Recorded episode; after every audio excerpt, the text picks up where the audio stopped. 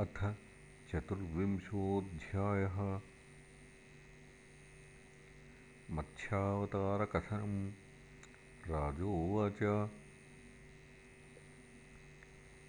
भगवन् श्रोतुमिच्छामि हरेरद्भुतकर्मणः।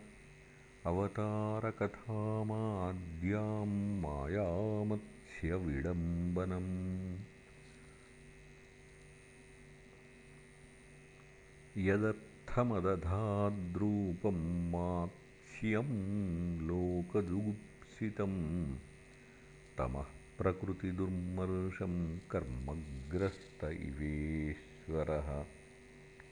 एतन्नो भगवन् सर्वं यथावद्वक्तुमर्हसि। उत्तमश्लोकचरितं सर्वलोकसुखावहम्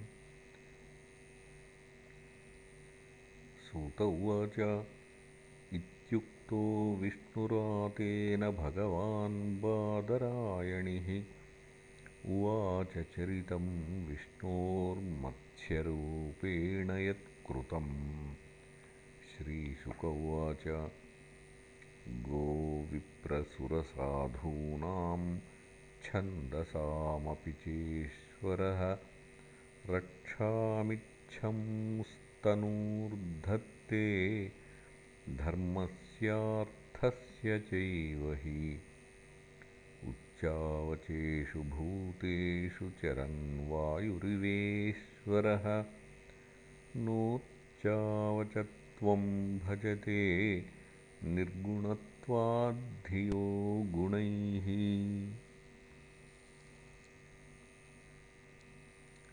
आसीदतीतकल्पान्ते ब्राह्मो नैमित्तिकोलयः समुद्रोपप्लुतास्तत्र लोका भूरादयो नृप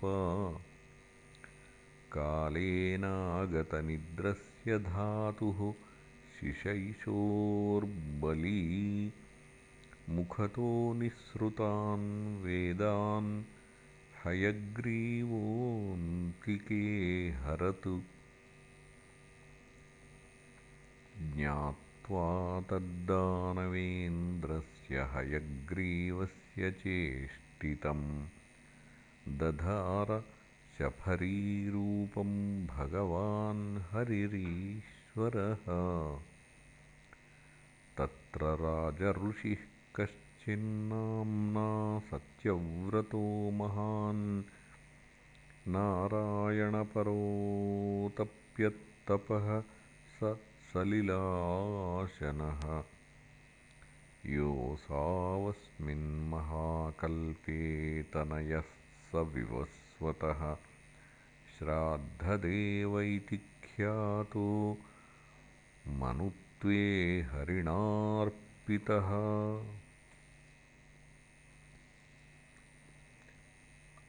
एकदा कृतमालायां कुर्वतो जलतर्पणं तस्याञ्जल्युदके काचिच्छफर्येकाभ्यपद्यत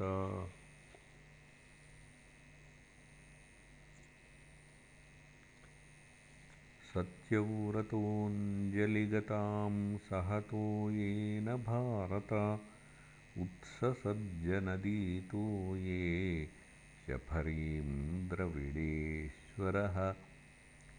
तमाह सातिकरुणं महाकारुणिकं नृपं। यादोभ्यो ज्ञातिघातिभ्यो दीनां मां दीनवत्सल। कथं विसृजसे राजन्भीतामस्मिन् सरिज्जले।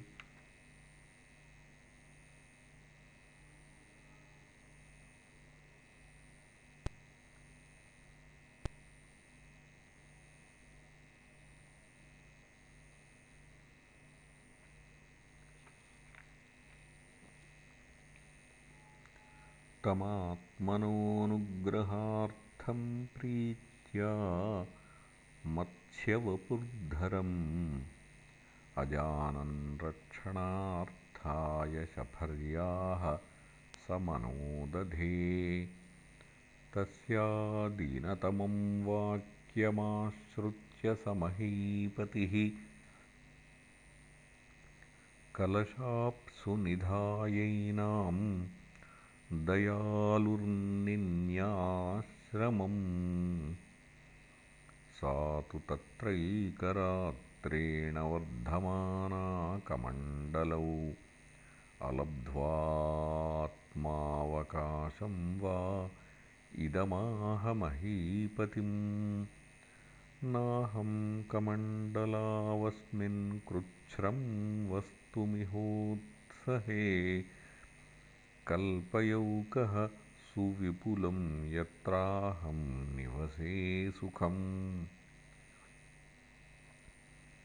स एनां ततादाय न्यधादौदञ्चनोदके तत्र क्षिप्ता मुहूर्तेन हस्तत्रयमवर्धत न मेतदलं राजन् सुखं वस्तुमुदञ्चनं पृथुदेहि पदं मह्यं यत्त्वाहं शरणं गता ततादाय सा राज्ञा क्षिप्ता राजन् सरोवरे तदावृत्त्यात्मना सोऽयं महामीनोऽन्ववर्धत।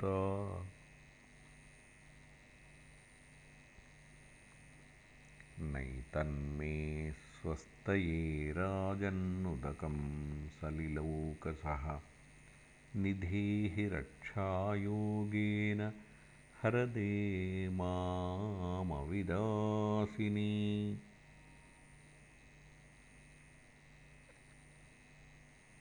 इत्युक्तः सोऽनयन्मत्स्यं तत्र तत्र विदासिनि।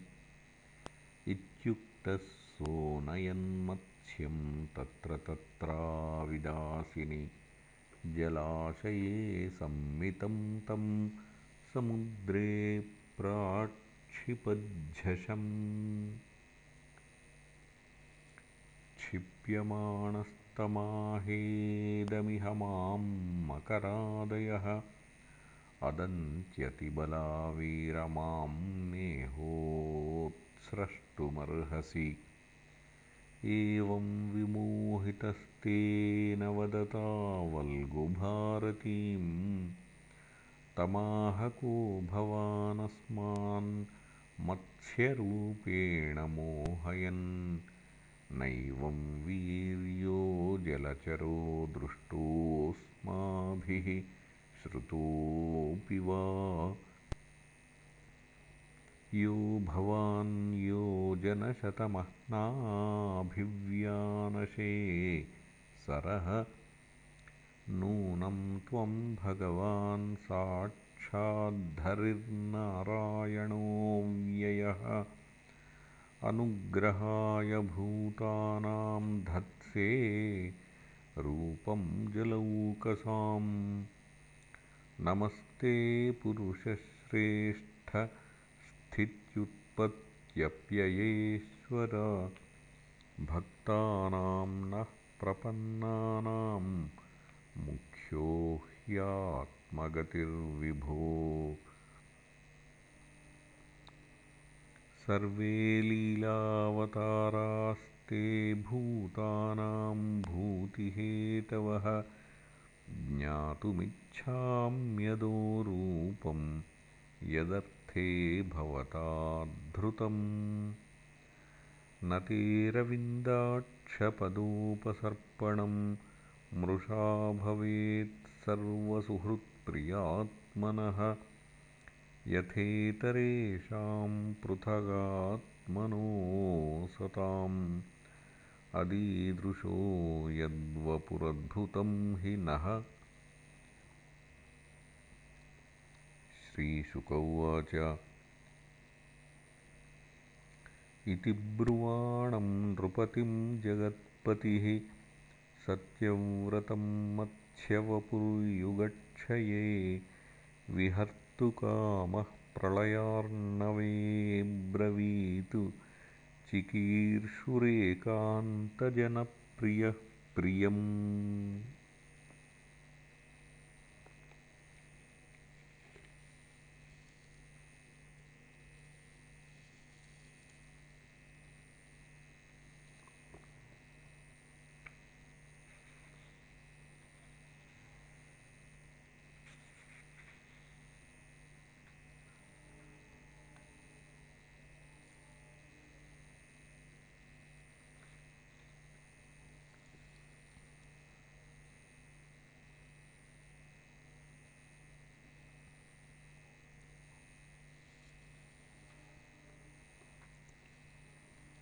श्रीभगवानुवाच सप्तमेऽद्यतनादूर्ध्वमहन्येतदरिन्दम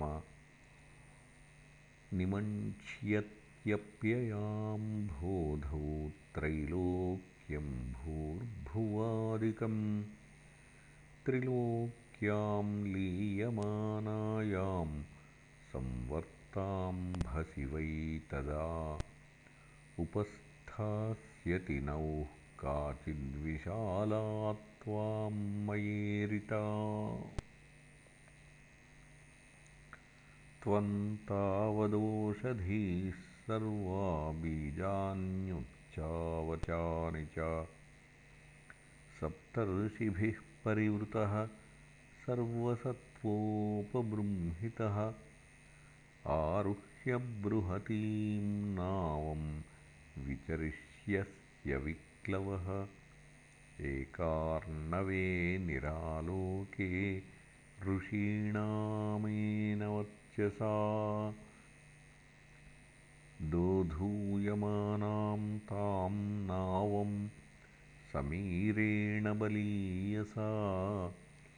उपस्थितस्य मे शृङ्गे निबध्नीहि महाहिना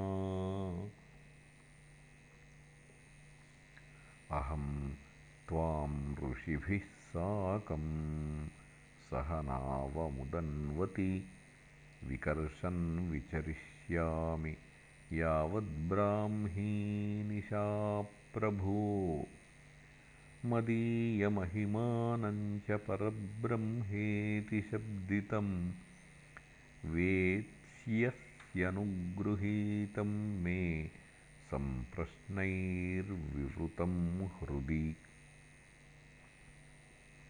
इत्थमादिश्य राजानं हरिरन्तरधीयत सोऽन्ववैक्षत तं कालं यं हृषीकेश आदिशतु। आस्तीर्यदर्भान् प्राक्कूलान् राजर्षिः प्रागुदन्मुखः। निशसादहरेः पादौ चिन्तयन्मत्स्यरूपिणः। ततः समुद्र उद्वेलः सर्वतः प्लावयन्महीं वर्धमानो महामेघैर्वर्षद्भिः समदृश्यत ध्यायन् भगवदादेशं ददृशेनावमागताम् तामारुरोह विप्रेन्द्रैरादायौषधिवीरुधः। तमूचुर्मुनयः प्रीता ध्यायस्वकेशवम् स वै नः सङ्कटादस्मादविता शं विधास्यति।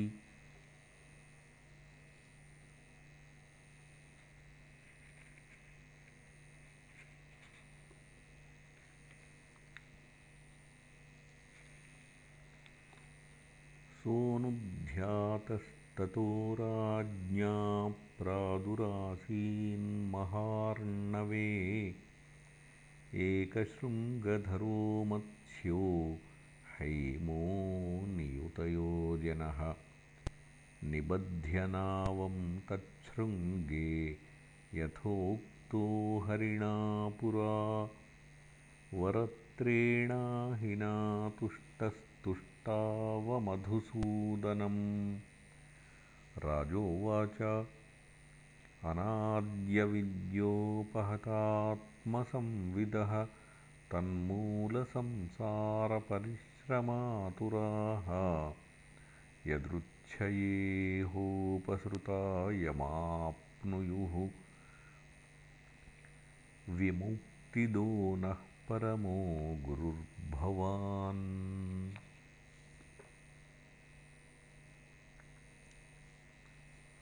जनो बुधोऽयं निजकर्मबन्धनः। सुखेच्छया कर्म समीहते सुखम्। यत्सेवया तां विधुनोत्यसन्मतिम् ग्रन्थिं स भिन्द्याद्धृदयं स नो गुरुः। यत्सेवयाग्नेरिव रुद्ररोदनं पुमान्विजह्यान्मलमात्मनस्तमः भजेतवर्णं निजमेष सोऽव्ययो भूयात् स ईशः परमो गुरुर्गुरोः। न यत्प्रसादायुतभागलेशम् अन्ये च देवा गुरवो जनाः स्वयम् समेताः प्रभवन्ति पुंसः तमीश्वरं त्वां शरणं प्रपद्ये। अचक्षुरन्धस्य यथाग्रणीः कृतः तथा जनस्याविदुषो बुधो गुरुः। त्वमर्कदृक् सर्वदृशां समीक्षणो वृतो गुरुर्न स्वगतिं बुभुत्सताम् जनो जनस्यादिशते सतीं मतिं यया प्रपद्येतदुरत्ययन्तमः। त्वं त्वव्ययं ज्ञानममोघमञ्जसा प्रपद्यते येन जनो निजं पदम्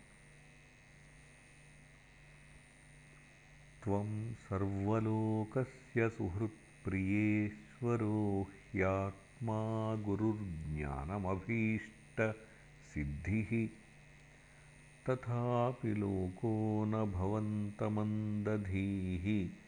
जानाति सन्तं हृदि बद्धकामः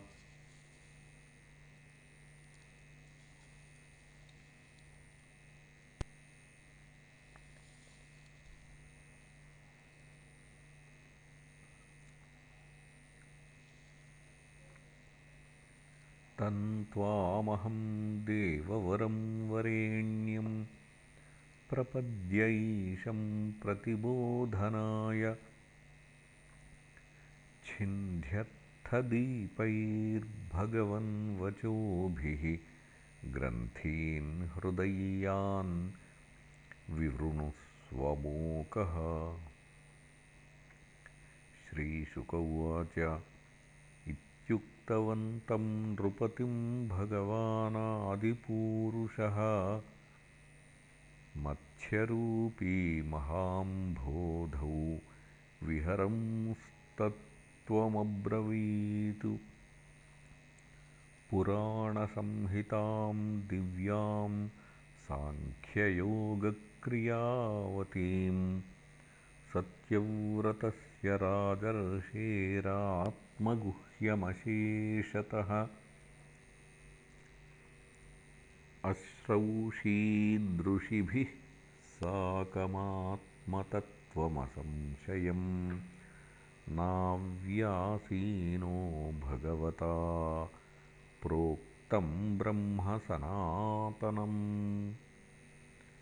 अतीतप्रलयापाय उत्थिताय स वेधसे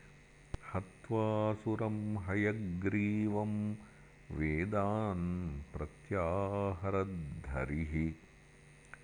स तु सत्यव्रतो राजा ज्ञानविज्ञानसंयुतः विष्णोः प्रसादात् कल्पेऽस्मिन्नासीद्वैवस्वतो मनुः। सत्यव्रतस्य राजर्षेर्मायामत्स्यस्य शार्ङ्गिणः। संवादं महदाख्यानं श्रुत्वा मुच्येतकिल्बिषात्। अवतारः हरेर्योऽयं कीर्तयेदन्वहं नरः। सङ्कल्पास्तस्य सिद्ध्यन्ति स याति परमां गतिम्। प्रलयपयसि धातुः सुप्तशक्तेर्मुखेभ्यः। श्रुतिगणमपनीतं प्रत्युपादत्तहत्वा दितिजमकथयद्यो ब्रह्मसत्यव्रतानां तमहमखिलहेतुं जिह्ममीनं नतोऽस्मि। इति श्रीमद्भागवते महापुराणे वैयासिक्याम् अष्टादशसहस्रिकायां पारमहंस्यां संहितायाम् अष्टमस्कन्धे मत्स्यावतारचरितानुवर्णनं नाम चतुर्विंशोऽध्यायः इति अष्टमस्कन्धः